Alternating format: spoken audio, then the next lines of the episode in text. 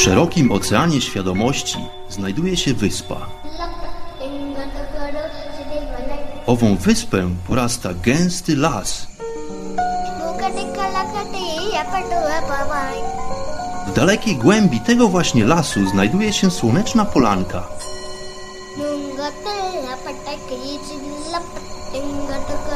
Przy tej oto polance w gorących promieniach słońca stoi sobie pewna magiczna chata.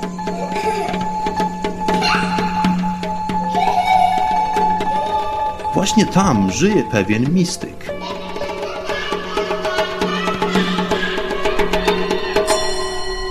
Mam na imię Bart i zapraszam wszystkich serdecznie do wysłuchania programu Chata Mistyka.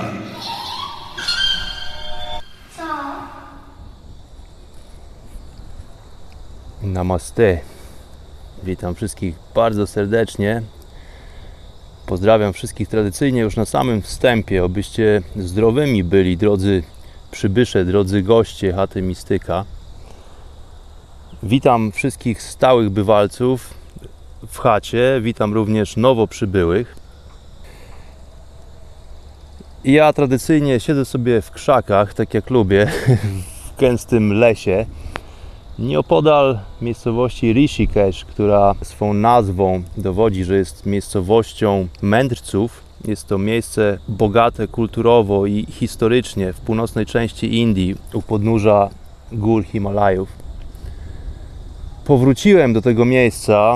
E, to już druga moja wizyta podczas e, tej wyprawy do Indii.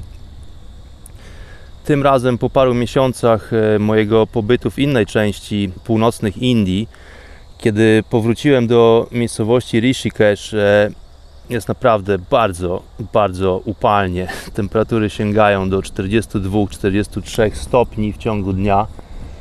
E, miejsce tak naprawdę opustoszało pod względem e, turystów, obcokrajowców, natomiast tętni życiem pod względem lokalnej ludności indyjskiej, dlatego że są właśnie wakacje.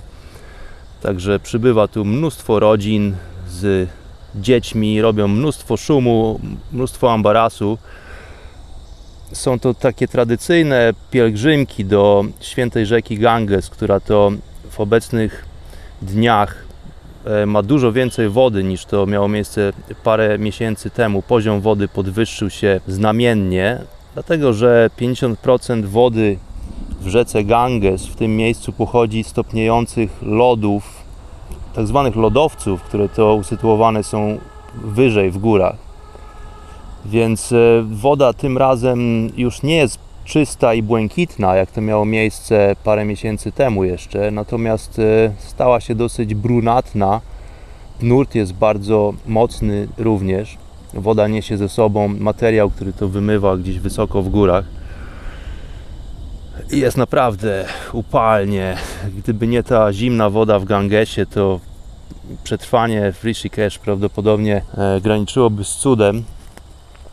Także jestem tutaj w oddali od zgiełku, e, z daleka od krzyczących dzieci i ich e, rodziców.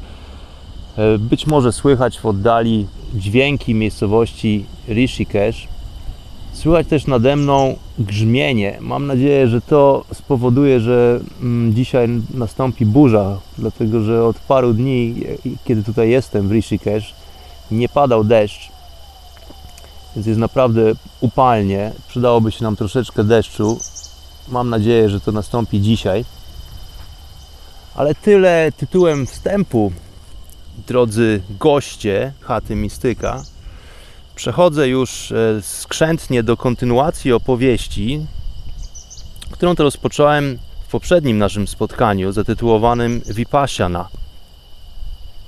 Vipassana jest wspaniałą techniką medytacyjną, która pochodzi pośrednio, nie bezpośrednio od samego Buddy i o samej technice opowiadałem w poprzednim odcinku Natomiast e, ta bardzo praktyczna i bardzo skrupulatna metoda medytacyjna, technika medytacji została jak gdyby ponownie odkryta i proklamowana przez samego Gautama Buddę, o którym to chciałem opowiedzieć troszeczkę więcej w dzisiejszym odcinku.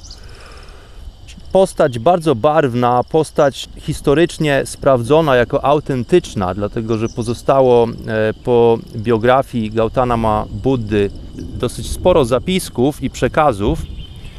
Ale zacznijmy od początku. Mm, wspomnę dzisiaj tylko parę historii z jego życia, o których to nauczyłem się właśnie podczas e, owego dziesięciodniowego programu medytacyjnego Vipassana, programu, który to odbyłem w miejscowości Dharamshala już ponad miesiąc temu.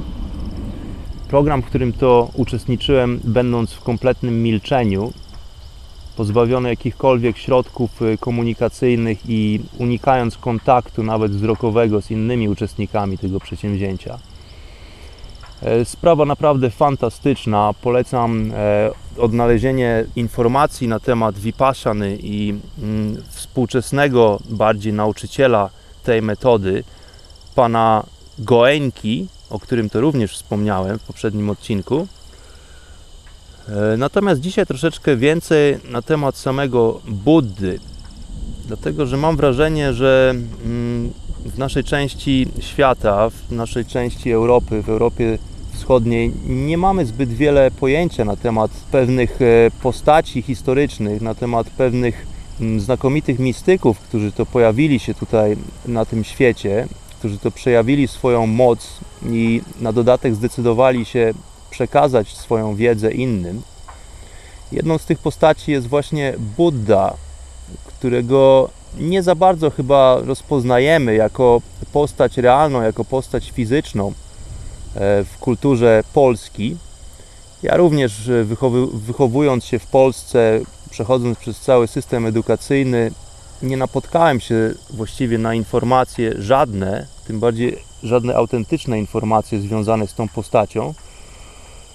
No i dzisiaj o tym troszeczkę chcę opowiedzieć, kim Buddha był, kim Buddha właściwie nie był.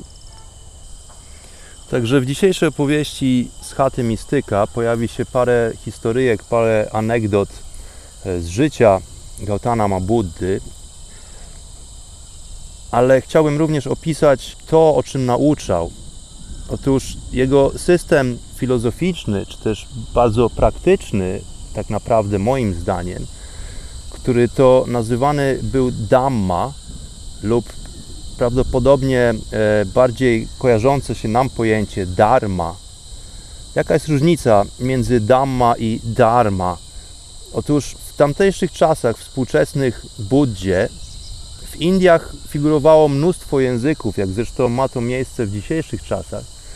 Natomiast w obszarze, w północnym obszarze Indii, z którego to pochodził Buddha, większość ludzi, tak zwane pospólstwo, używało języka Pali. Obydwa te słowa można by przetłumaczyć jako wyświęcony obowiązek, Innymi słowami, obowiązek, czyli pewnego rodzaju prawo. W tym przypadku Buddha mówi o prawie natury.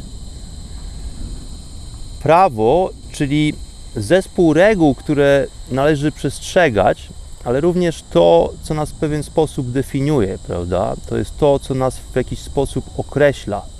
To jest to, co określa naszą formę, nasz sposób funkcjonowania czy bycia czy też z drugiej strony prawo jest czymś, co oznacza, czy też wyznacza zakres naszych możliwości i być może pole, które to opisuje obszar naszego działania. Tym jest e, z grubsza prawo. Z prawem jest tak, że jeśli nie przestrzegasz tego prawa, to zwykle musisz ponieść konsekwencje, prawda? Więc prawo również wiąże się z pewnego rodzaju karą lub pokutą. Dhamma czy Dharma, o której uczył Buddha, jest natomiast prawem kosmicznym i zarazem najwyższą formą porządku. Dhamma oznacza również fenomen. Fenomen, czyli to, co już jest jak gdyby zamanifestowane w tym świecie, to, co się przejawia. Różnica w słowach Dhamma i Dharma jest taka, że w języku sanskryt używamy właśnie słowa dharma. Natomiast w tamtych czasach sanskryt był studiowany i używany tylko przez wyższe klasy, przez zakonników, tak zwanych braminów. Więc nie był to język powszechny i popularny. Natomiast właśnie tak zwane pospólstwo mówiło w tej części Indii przynajmniej językiem, który nazywał się Pali. Więc Buddha posługiwał się na co dzień językiem Pali, dlatego że jego celem, jego ambicją było to, aby dotrzeć do jak najszerszej liczby ludzi, niezależnie od ich pochodzenia, stopnia zaawansowania i wykształcenia oraz ich statusu majątkowego. Buddha chciał udostępnić swoje nauczanie jak najszerszej grupie ludzi. Nie miała się z tym wiązać ich przynależność społeczna, czy też ich przynależność kastowa, czy też ich rasa, czy przynależność religijna. Dlatego właśnie używał języka powszechnego w tamtych czasach, czyli właśnie owego języka Pali. Tamte czasy, o których to mówię, to okres około 2550 do 2500 lat przed naszą erą.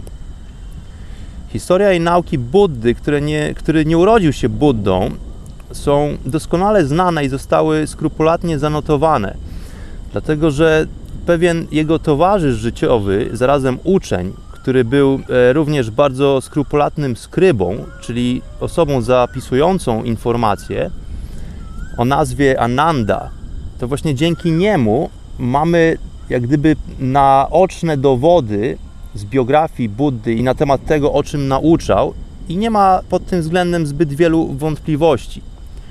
Stąd wiedza o życiu i o tym, co nauczał, są doskonale znane i właściwie bardzo przejrzyste również. Pomimo, że ta historia sięga 550 lat, zanim pojawił się Jezus, to tutaj wszystko jest jasno udokumentowane i nie ma właściwie żadnych wątpliwości co do postaci samego Buddy, w przeciwieństwie do historii i nauk Jezusa, które praktycznie nie dotarły do dzisiejszych czasów w swojej oryginalnej, pierwotnej formie. Długo po odejściu Jezusa, uformowany wtedy Kościół dlatego że nie za jego życia, bo na to Jezus nigdy by się nie zgodził, aby uformować Kościół w takim wymiarze, w jakim on funkcjonuje w dzisiejszych czasach. Ale długo po jego odejściu postarano się, aby powstały nowe wersje, zatuszowane i zmodyfikowane, którymi nadano szyld Jezusa Chrystusa i postarano się, aby nikt przypadkiem nie zaczął myśleć samodzielnie i nie odkrył prawdy prawdę o Jezusie i o tym, o czym nauczał. Powtarzam wielokrotnie w chacie mistyka, że Jezus nie był chrześcijaninem i na dodatek nie był religijny. W naszej kulturze jest to sprawa bardzo kontrowersyjna, aczkolwiek jeżeli zaczniemy studiować historię, odkrywać prawdziwą historię i biografię tych e, zacnych mędrców, tych metafizyków, tych mistyków, o których to opowiadam w chacie mistyka, to dowiemy się wiele prawdy i dowiemy się wiele kłamstw, którymi to jesteśmy przesiąknięci poprzez system edukacyjny, w którym to przyszło nam się wychowywać chociażby. Więc Jezus nie był religijny i też nie był chrześcijaninem. Był natomiast gruntownie uduchowiony, był oświecony, był wyjątkowo inteligentny i dodatkowo bardzo charyzmatyczny. To właśnie dlatego pociągał za sobą tłumy. Tłumy ludzi właściwie przypadkowych, ale zaciekawionych, niekoniecznie mogących sprostać swym intelektem, głębokim i metafizycznym nauką swego mistrza, dlatego że e, chociażby przykład samych dwunastu apostołów dowodzi temu, że właśnie nawet uczniowie Jezusa, którzy byli notabene zwykłą szajką przypadkowych ludzi, głównie złodziei i wyrzutków społecznych, bo tak to wyglądało, ale właśnie ze względu na swój niskolotny poziom intelektu nie byli w stanie do końca zrozumieć, tym bardziej przekazać nauk Jezusa. Czy Jezus był mistrzem jedynym? Nie. Czy był pierwszym? Też nie. Czy był ostatnim? Na pewno nie. To ludzie zrobili go Bogiem. Bogiem wyodrębnionym od stworzenia. Nastąpiło wiele błędów i pomyłek w interpretacji, tłumaczeniach i zrozumieniu jego nauk. Pamiętajmy o tym, że to, że historia jest powtarzana przez 2000 lat, nie oznacza, że jest prawdziwa. Okay? Jezus mówił: Jestem synem Boga. A ludzie potraktowali to dosłownie, dlatego że ludzie nie poświęcają zbyt wielkiego wysiłku intelektualnego próbie zrozumienia. Więc Jezus mówił: Jestem synem Boga, a ludzie zrozumieli to i potraktowali dosłownie, że jest synem, człowiekiem wyodrębnionym od Boga, niezależnym od Boga, że jest to tylko jego własny przywilej, że jest on jedynym synem Boga, tudzież nikt inny nie jest dzieckiem Boga. A tymczasem, jak to mistyk, Jezus nigdy nie mówił wprost. Używał poezji, używał metafor, używał porównań. Jestem synem Boga oznacza pochodzę od Boga, tak jak ty, tak jak każdy inny.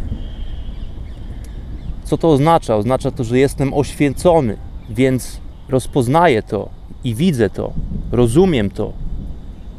Co to jest Bóg? Bóg to nie jest starzec z siwą brodą siedzący na tronie w raju, tylko Bóg jest prawdą, Bóg jest miłością, Bóg jest dobrą wolą, Bóg jest klarownością. I to właśnie wszystko ma na myśli Jezus, kiedy mówi: Jestem synem Bożym. Czyli jako istota oświecona, wiem, że pochodzę od źródła i kieruję się i przejawiam prawdę, miłość, dobro i klarowność. Ale dzisiaj mnie o Jezusie, a więcej o Buddzie jednak, ale Buddha mówił to samo. To jest bardzo podobny przykład. Przykład, który sięga ponad 500 lat wcześniej od tak bardzo powszechnej, znanej nam historii, jak nam się wydaje, Jezusa, przekłamanej historii Jezusa. Buddha był przeciwny religiom, jakiemukolwiek sektarianizmowi, był przeciwnikiem podziałów rasowych i kastowych, wręcz przeciwnie, mówił o równości, mówił o braterstwie, o wzajemnym wspieraniu się, Pamiętajmy, że są to czasy bardzo trudne dla wolności osobistych, odrębnych opinii czy wyznań, w szczególności w tym obszarze, w Indiach. Podział kastowy w Indiach to jest bardzo poważna sprawa. Dla nas z perspektywy europejskiej być może nie do końca zdajemy sobie sprawę z trudności, czy też z drugiej strony przywilejów, które to niesie ze sobą przynależność do danej kasty. Ogólnie determinuje to właściwie w całości całe Twoje życie. Czyli to, gdzie przebywasz i z kim przebywasz, kto jest Twoją żoną, Twoim mężem, jaką masz pracę, czy jesteś osobą szanowaną, chociażby ze względu na kolor Twojej skóry. To właśnie wszystko jest przynależność kastowa w Indiach czy może wręcz przeciwnie, e, może jesteś osobą odpychaną, ignorowaną, nieakceptowaną itd., tak itd. Tak Także podział kastowy to w historii Indii tysiące, tysiące lat tradycji. Tym samym owa nierówność społeczna jest uważana za sprawę normalną, nawet po dzisiejsze czasy. Pamiętajmy również, że Indie przed najazdami pierwotnie muzułmanów i bardziej współcześnie Brytyjczyków, to potężne imperium z bogatym dorobkiem naukowym, z dorobkiem duchowym również i kulturowym. Niesamowite osiągnięcia architektoniczne i inżynieryjne, które dotrwały do naszych czasów, są tylko jednym z przykładów na to, jak dalece technologicznie rozwinięta była cywilizacja za rzeką Indus.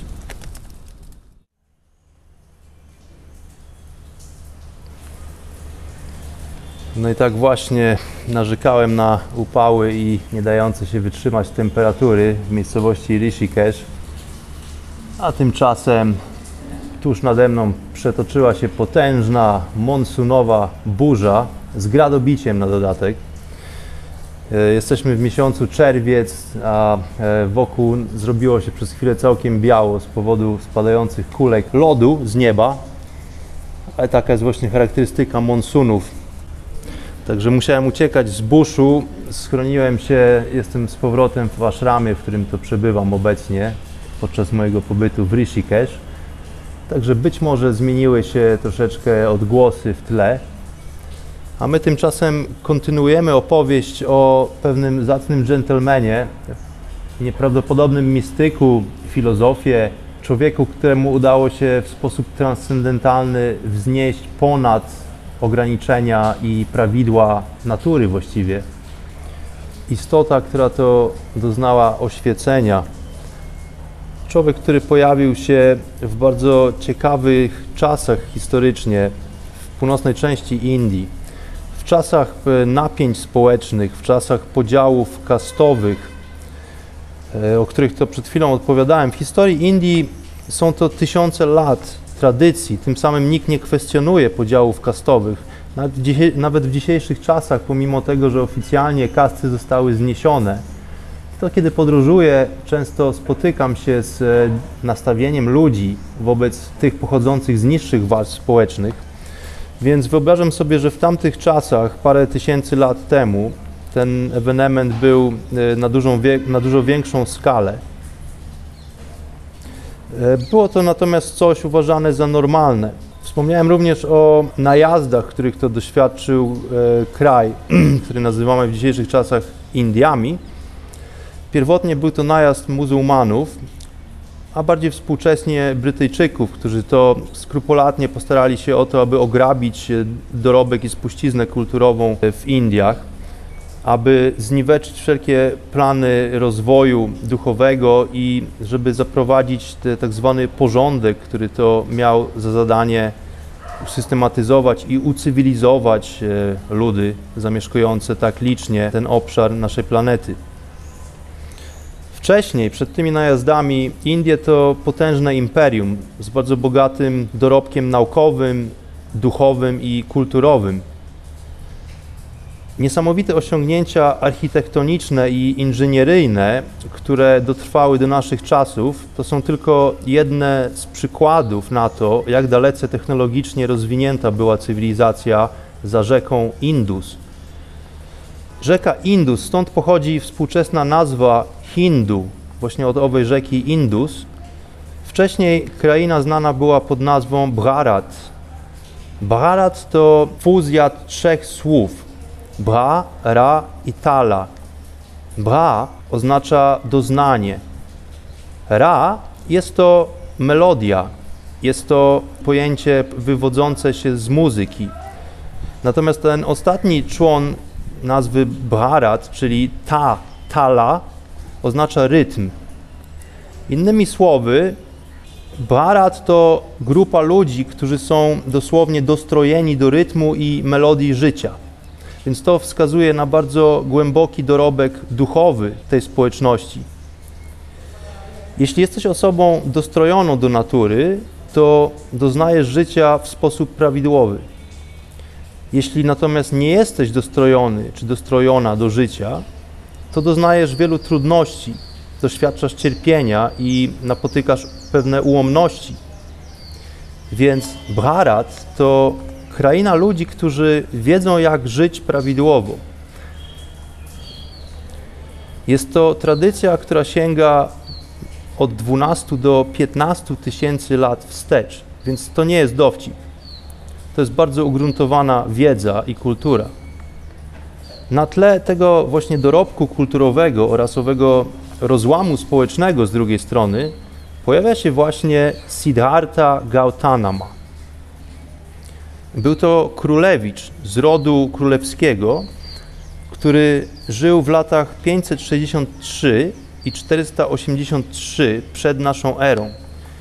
Mniej więcej, dlatego że jak to zwykle w przypadkach takich postaci historycznych istnieją pewne wątpliwości, ale długość jego życia to było mniej więcej 80 lat. Był synem oligarchy w pewnej małej republice w północnej części starożytnych Indii. Dzisiejsza nazwa miejsca, w którym urodził się Gautama, to Lumbini.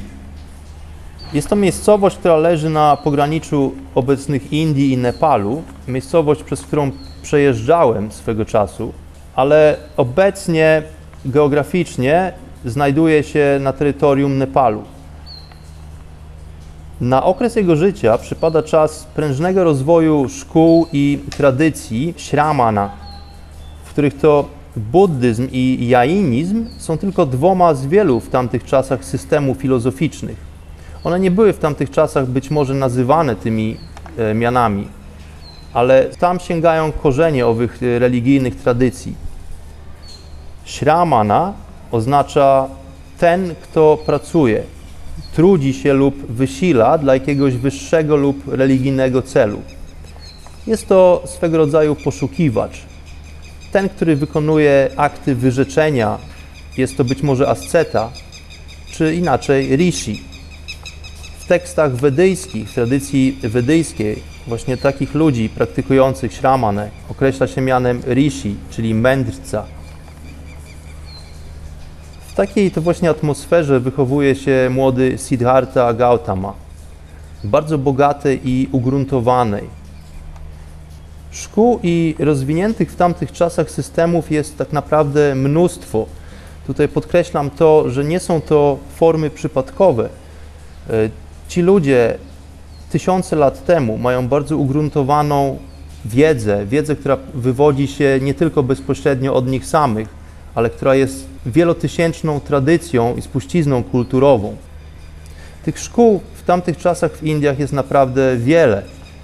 Nie będę przywoływał tutaj nazw, dlatego że nazwy te figurują w języku sanskryt albo we współczesnym języku budździe, czyli w języku pali, dlatego że te nazwy nic dla nas, Europejczyków, właściwie nie znaczą. Bynajmniej jest to również czas świetności wedyjskich braminów, czyli kapłanów zajmujących się studiowaniem owych pierwotnych, starożytnych tekstów. Tak więc młody Gautama ma doskonałe warunki do duchowego rozwoju. Pochodzi z zamożnej rodziny, więc nie musi martwić się o przetrwanie i wówczas poznaje właśnie techniki medytacyjne. Pierwszy przebłysk oświecenia doznaje już jako chłopiec w wieku mniej więcej 7 lat, kiedy to siedzi i medytuje pod drzewem z gatunku Bodhi. Bodhi to są potężne drzewa o naprawdę wspaniałych kształtach pni i korzeni, które to rozpościerają się również ponad powierzchnią ziemi. W późniejszym czasie z desperacją szuka metody do osiągnięcia unii z Bogiem. Szkoli się u wielu mistrzów, studiuje antyczne teksty, przez 8 lat praktykuje nawet hatha jogę. Wszystko zdaje się na niewiele jednak. Dopiero dużo później, w wieku 35-36 lat, po dogłębnym i bardzo trudnym procesie samokształcenia się i rozwoju, kompletnym poddaniu się procesowi, w końcu doznaje oświecenia. Staje się Buddą. Buddą, czyli obudzonym, ponownie siedząc pod drzewem Bodhi w miejscowości Bodgaja tym razem, którą to już odwiedziliśmy wspólnie w chacie Mistyka jakiś czas temu. Buddha jest tytułem, to istota oświecona, obudzona. Jak to mówi sam Gautama, nie jest pierwszym Buddą, dlatego że było ich wielu, i nie jest również ostatnim. Po nim przyjdzie również bardzo wielu. Ponadto, pomimo osiągnięcia tego najwyższego stopnia wtajemniczenia, pojednania się, które najczęściej wiąże się z opuszczeniem ciała, Buddha postanawia jednak pozostać w ciele oraz nauczać i wspierać tych, którzy nadal tkwią na niższych poziomach duchowych. I te nauki kontynuuje przez kolejnych 45 lat. Ale zanim to wszystko nastąpiło, Młody Siddhartha żył typowe książęce życie w dostatku w swych trzech sezonowych pałacach, otoczony dobrobytem i opieką. W wieku 16 lat pojął za żonę księżniczkę z rodu o imieniu Yashodhara w wyniku zaaranżowanego przez rodzinę ślubu. Jak to zresztą do tej pory ma miejsce w Indiach. Większość małżeństw jest aranżowanych przez rodziców. Z ową księżniczką miał syna o imieniu Rahula. W wieku 29 lat, na skutek wieloletnich poszukiwań prawdy, Gautama opuszcza pałac i swoją żonę oraz syna, oczywiście wobec sprzeciwów ojca i całej rodziny królewskiej, aby wyruszyć w drogę i zagłębić się w duchowy proces odkrywania prawdy. Początkowo, kiedy wyrzekł się swego pochodzenia, żył jako asceta na ulicach miasta, żebrząc jedzenie od zwykłych, prostych ludzi. Po drodze został jednak rozpoznany i parukrotnie zaoferowano mu następstwo tronu, którego to oczywiście odmówił. Następnie pobierał nauki u dwóch pustelniczych mistrzów jogi, gdzie poznał pewne techniki medytacji, aczkolwiek nie był usatysfakcjonowany i wyruszył w dalszą podróż. Te doświadczenia utwierdziły go jednak, że dhyana, czyli medytacja, jest właściwą drogą do tak zwanego przebudzenia. A z drugiej strony wywnioskował, że ekstremalny ascetyzm nie przynosi oczekiwanych skutków.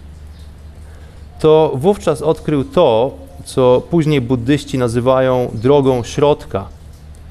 Tak zwana droga środka, czyli umiarkowana ścieżka z dala od jakichkolwiek skrajności, z dala od zbytniego umartwiania się czy też z drugiej strony od pobłażania sobie. W znanej przypowieści zagłodzony i osłabiony Gautama postanawia przyjąć mleko i ryż od pewnej wiejskiej dziewczyny, która ze względu na jego wychudzony wizerunek uznała go za ducha, który spełnia życzenia. Po tym rzekomym incydencie Gautama postanawia zasiąść pod osławionym drzewem Bodhi w miejscowości Bodgaya, i w akcie desperacji ślubuje nigdy nie powstać, dopóki nie odnajdzie prawdy. Zajęło to 49 dni solidnej medytacji i wyrzeczeń. Rzekomo nawet pięciu jego najbliższych towarzyszy, a zarazem apostołów, zwątpiło po drodze w sukces owej misji, wierząc, że Gautama po prostu poddał się i porzucił poszukiwania i postanowili pozostawić go pod owym drzewem i po prostu sobie poszli. A tu proszę, po 49 dniach, bam, nastąpił moment oświecenia. To właśnie wtedy Gautama przebudził się i stał się owym słynnym Buddą.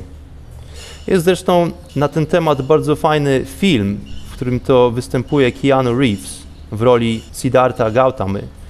Także tym, którzy nie widzieli jeszcze owego filmu, polecam. To nie jest film nowy, ale na pewno można go odszukać. Tytułu dokładnie nie pamiętam. Być może tytuł brzmi po prostu Buddha.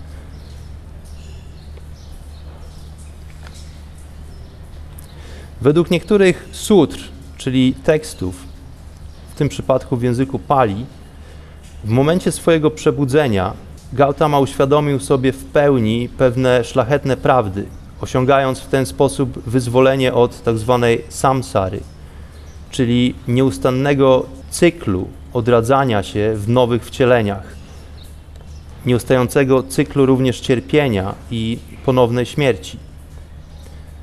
Ten motyw stał się jednym z przewodnich w późniejszej religii buddyjskiej, gdzie praktyka diany, czyli owej medytacji, ma doprowadzić do stanu nirwany i moksza, za czym idzie totalne wyzwolenie.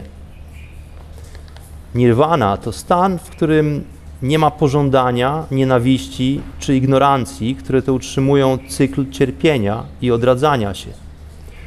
Nirwana to również w pewnym sensie koniec świata, ponieważ znika osobista tożsamość, zanika ego oraz ograniczenia umysłu. Tak więc pięciu uczniów powróciło do mistrza i wkrótce wszyscy zostali wtajemniczeni w prawdy, które to podczas aktu oświecenia doznał, czy też odkrył Buddha. Parę dni później, według zapisków, dołączył szósty o imieniu Jasa, nawrócony na drogę prawdy, syn pewnego wpływowego bogacza. a wraz z nim jego rodzina i ponad 50 przyjaciół. Później dołączyło trzech braci Kasapa, którzy to mieli już uprzednio spory tłum uczniów, w wyniku czego najbliższe grono Gautamy Buddy szybko urosło do ponad tysiąca zwolenników. Jak to w takich sytuacjach bywa, znaleźli się wśród nich różni ludzie, różne przypadki życiowe. Byli tam zarówno nędzarze, jak i bogacze, szlachcice, jak i sługusi, mordercy, a nawet pewien kanibal. Tak właśnie powstało środowisko podróżujących i nauczających mnichów, tak zwanych sangha. Oczywiście, co bardziej wpływowi władcy, których to dzieci dołączały do szajki Buddy, wysyłali posłańców i delegacje, próbując odzyskać potomstwo, ale najczęściej członkowie delegacji byli natychmiast konwertowani i pozostawali w towarzystwie Buddy. Podobnie stało się z kilkoma wielmożnowładcami. Pamiętajmy, że Buddha był bardzo inteligentny i władał dogłębną retoryką. To wyglądało mniej więcej tak. Przyjeżdżał taki król ze swym orszakiem, na maksa wkurzony i zatroskany o swojego syna chociażby. Buddha witał wszystkich oczywiście z uśmiechem i mówił: Siadaj, stary, tutaj koło mnie pod tym drzewem i posłuchaj. Tutaj warto wspomnieć, że w swojej retoryce Buddha zwykle posługiwał się pytaniami. Czyli jeżeli ktoś przychodził do niego z pytaniem, to Buddha w bardzo sprytny sposób odpowiadał mu pytaniem, co miało nakierunkować tego człowieka poszukującego odpowiedzi na to, aby ową odpowiedź znalazł samodzielnie, aby doszedł do tego momentu na swój indywidualny sposób. Czyli w skrócie wyglądało to tak, że Buddha mówił: Siadaj tu koło mnie, porozmawiamy sobie. I po krótkim dyskursie na temat Dammy, czyli tego systemu, którego nauczał, taki król po prostu miękł w oczach. Dodatkowo widział, że jego syn miewa się lepiej niż kiedykolwiek przedtem, a wszystko, co mówi ten gość siedzący pod drzewem, ma właściwie sens i jest prawdziwe.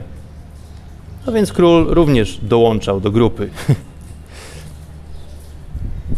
Oczywiście z tak szybko rosnącym tłumem zwolenników, gdzie po pewnym czasie w ufundowanym przez jednego z bogaczy ashramie znajdowało się na co dzień już ponad 10 tysięcy ludzi, pojawiali się również przeciwnicy i oponenci Buddy, ale nie mogli sobie z nim w żaden sposób poradzić właściwie. Każdy zdawał sobie świetnie sprawę z niebywałej elokwencji Gautama Buddy, Jakiekolwiek próby argumentacji czy debaty kończyły się po prostu fiaskiem. Dodatkowo Buddha nie przynależał do żadnej religii, tym samym nie był przeciwnikiem żadnej religii. Więc co się zwykle robi w takich przypadkach? Trzeba po prostu spowodować i upublicznić jakiś skandal. Jak skandal, to najlepiej seksualny. I tutaj również pewnego dnia pojawiła się w ashramie Buddy pewna młoda i atrakcyjna dziewczyna, szpieg i wyszkolona konfidentka. Bardzo chciała spędzić noc w towarzystwie mistrza pod jego drzewem. Generalnie Buddha spał na ziemi, na zewnątrz, pod swoim drzewem. Tam też jadł i nauczał. Więc e, tego dnia popatrzył na ową dziewczynę i widząc, co się święci, powiedział: OK, możesz się położyć tu obok mnie, nie ma problemu.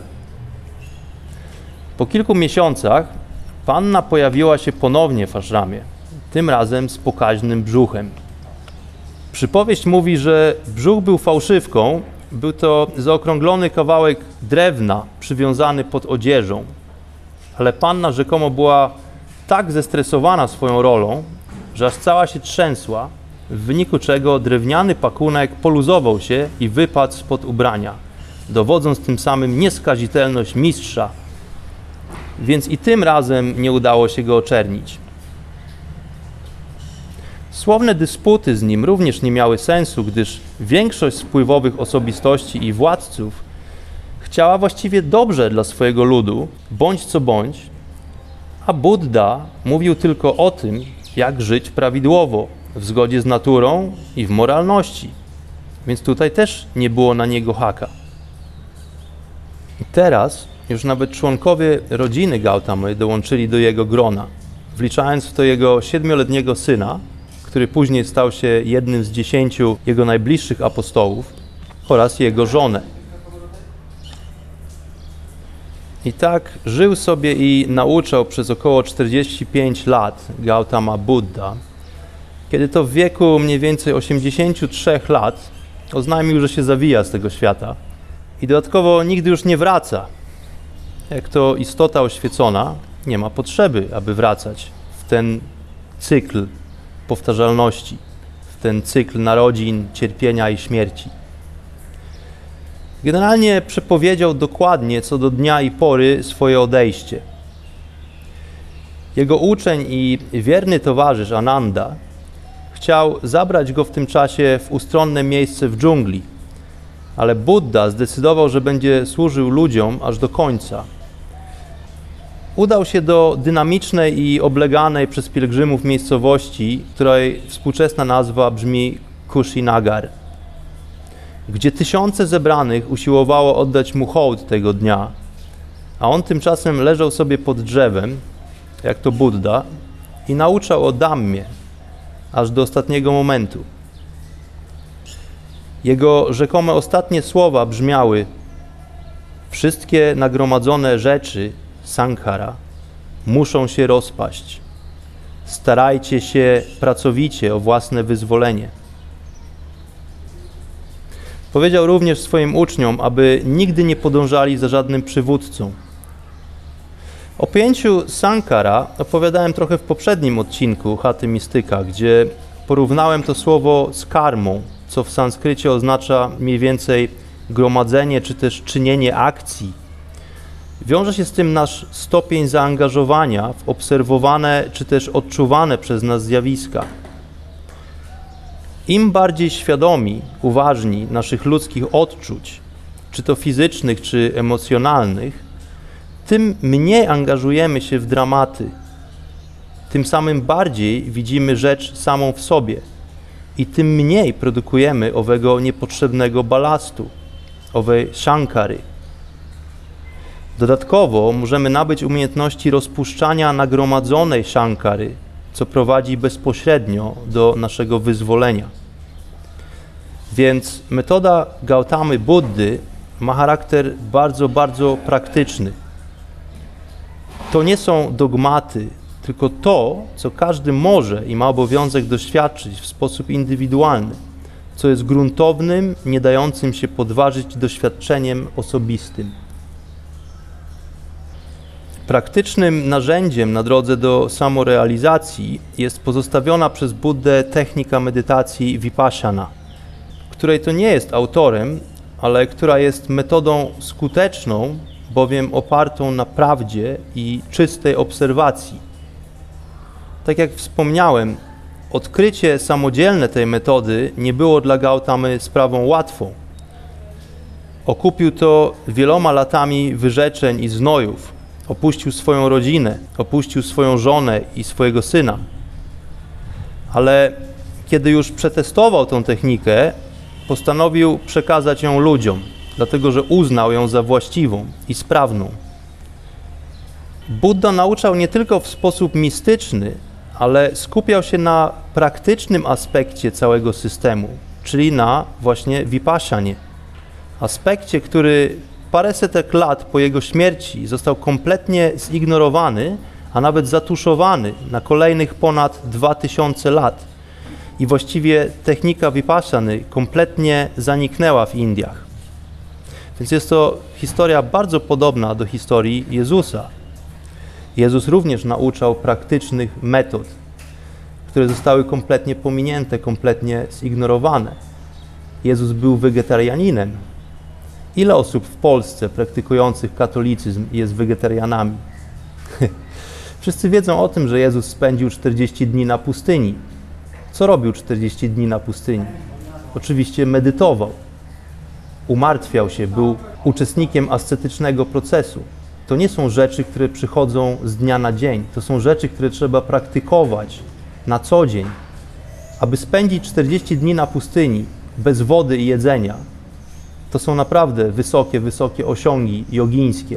To są długotrwałe praktyki, które pozwalają przygotować się do tego procesu.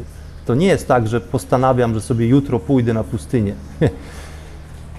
Ale dzisiaj nie o Jezusie, dzisiaj o Buddzie. Więc około 200 roku przed naszą erą na rzecz umocnienia religii nazwanej następnie buddyzmem, czyli typowy w wielu religiach unik. Lepiej nie rozumieć, podążać ślepo za jakimś naczelnym kapłanem, zaniechać osobiste praktyki i rozwój na rzecz pustych i niezrozumiałych rytuałów i po prostu przynależeć do grupy i się za bardzo nie wychylać na dodatek. W kupie raźniej, podobno. A Buddha nauczał wręcz przeciwnie. Nie podążać za nikim. Wykazywać sceptyczne nastawienie, dopóki wiedza nie jest ugruntowana osobistym doświadczeniem. Buddha nigdy nie nauczał buddyzmu. Także oryginalna wiedza została skutecznie zatuszowana, ale na szczęście przetrwała w paru sąsiadujących miejscach, między innymi w Mianarze, czyli w obecnej Birmie.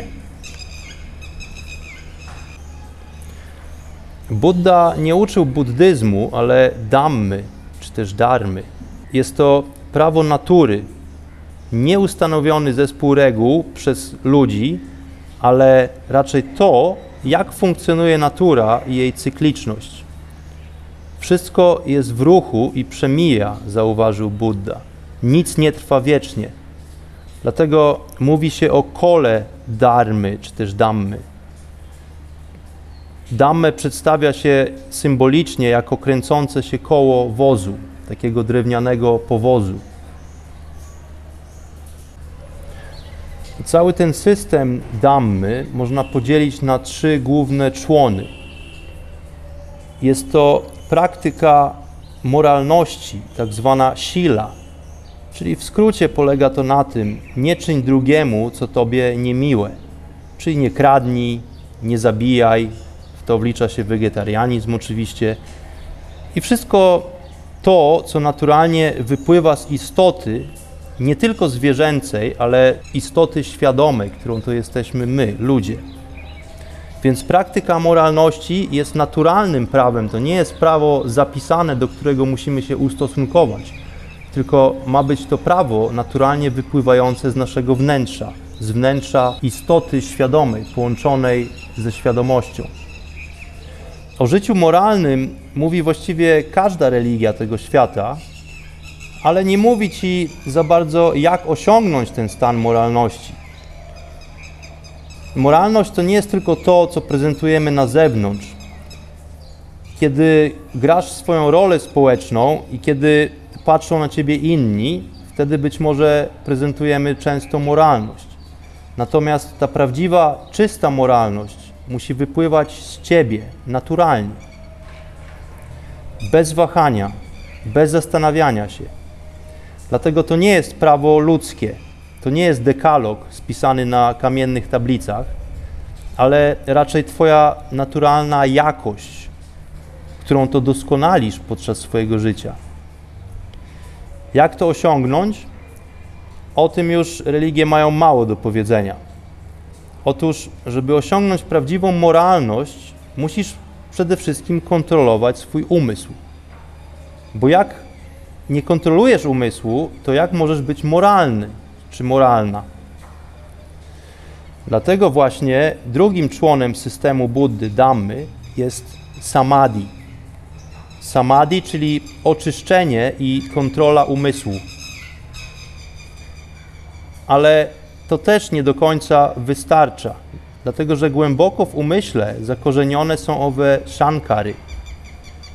Czasem Shankara nagromadzona jest nie tylko podczas tego życia, ale podczas wielu poprzednich wcieleń. Dlatego, aby pracować z Shankarą, potrzebna jest nam po prostu metoda, technika. To wymaga systematycznej pracy. I właśnie tutaj Buddha przychodzi ze swoją metodą zwaną vipassana. To jest praktyczna metoda, która wykonywana regularnie pozwala ci oczyścić umysł, pozwala ci poszerzyć horyzont, pozwala to rozciągnąć granice owego umysłu. Trzecim członem Dammy jest tak zwana pania. Pania oznacza mądrość. Teraz owa pania może być rozdzielona na trzy podkategorie. Owa mądrość może pochodzić po pierwsze ze skryptów, czyli właśnie z, tej, z tego dorobku kulturowego, duchowego, mistrzów, którzy to pozostawili e, zapiski o prawdzie. Drugim, jak gdyby troszeczkę wyższym stopniem wtajemniczenia jest wiedza, którą to pozyskujemy od naszego guru, od naszego duchowego mistrza. Guru oznacza istotę, która rozprasza ciemność, mrok w sensie ignorancji. To jest e, ta istota, która jest w stanie wskazać nam odpowiednią drogę, którą to powinniśmy podążać e, na skutek naszego rozwoju duchowego. Także jest to postać bardzo pomocna w naszym procesie duchowym, natomiast nie jest to motyw wystarczający ku naszemu totalnemu rozwojowi. Dlatego, że ostatnią, e, trzecią grupą e, kategorii pania, tej mądrości, o której to mówił Buddha, jest mądrość, która nazywana jest bhavana pania, czyli jest to osobiste doświadczenie. Tylko ta metoda prowadzi do oświecenia. Więc tutaj znowuż Buddha kładzie nacisk na indywidualną pracę i na osobiste doświadczenie.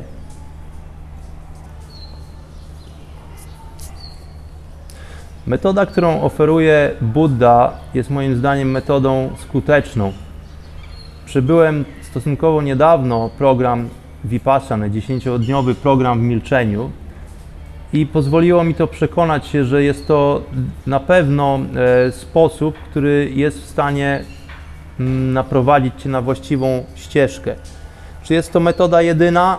Na pewno nie. Z drugiej strony jest to na pewno metoda skuteczna. Polecam wszystkim e, bardzo mocno zaangażowanie się osobiste w rozwój duchowy.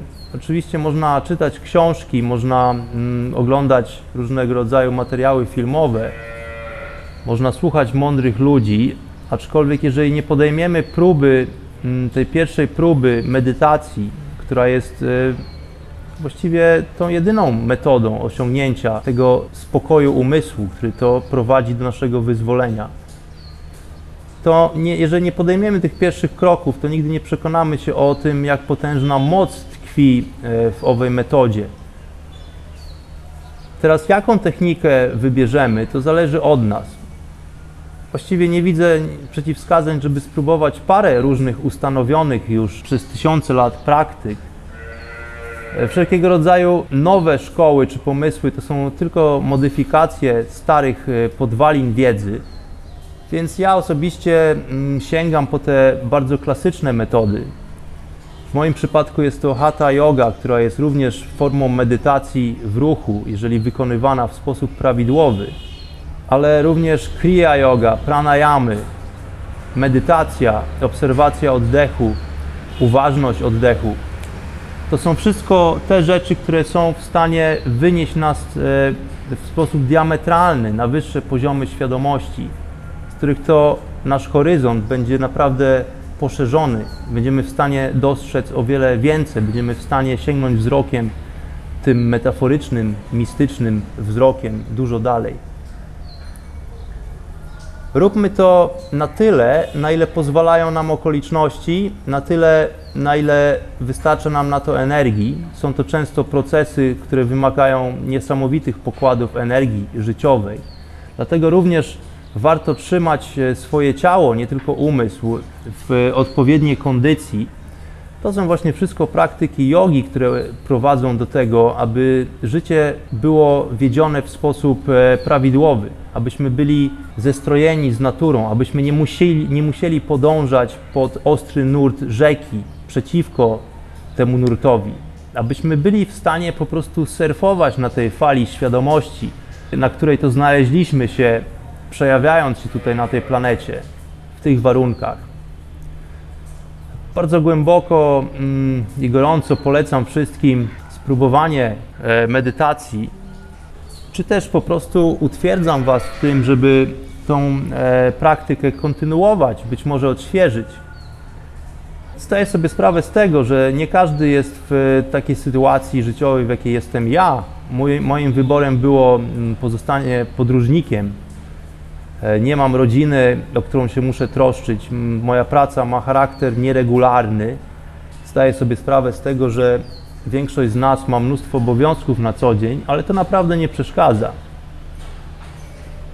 Możemy być tak zwanymi domatorami i również być w jodze, być w unii, być scaleni, zsynchronizowani z kosmosem. To wymaga naprawdę niewiele wysiłku, a korzyści jakościowe, korzyści, które to wprowadzamy do naszego życia i zmiany, często bywają naprawdę fenomenalne. Także polecam wszystkim gościom chaty Mistyka wkroczenie na drogę samorozwoju, samorealizacji w własnym zakresie. Naprawdę tyle, ile to jest możliwe codziennie.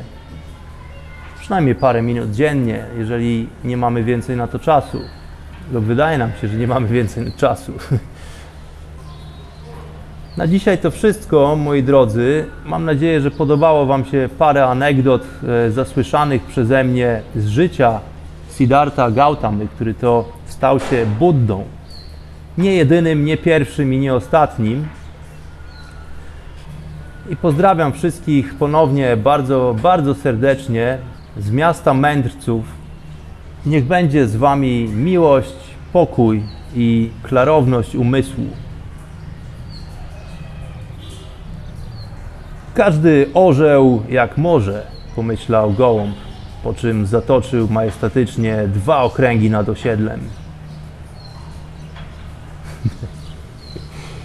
Namaste, pranam, do usłyszenia.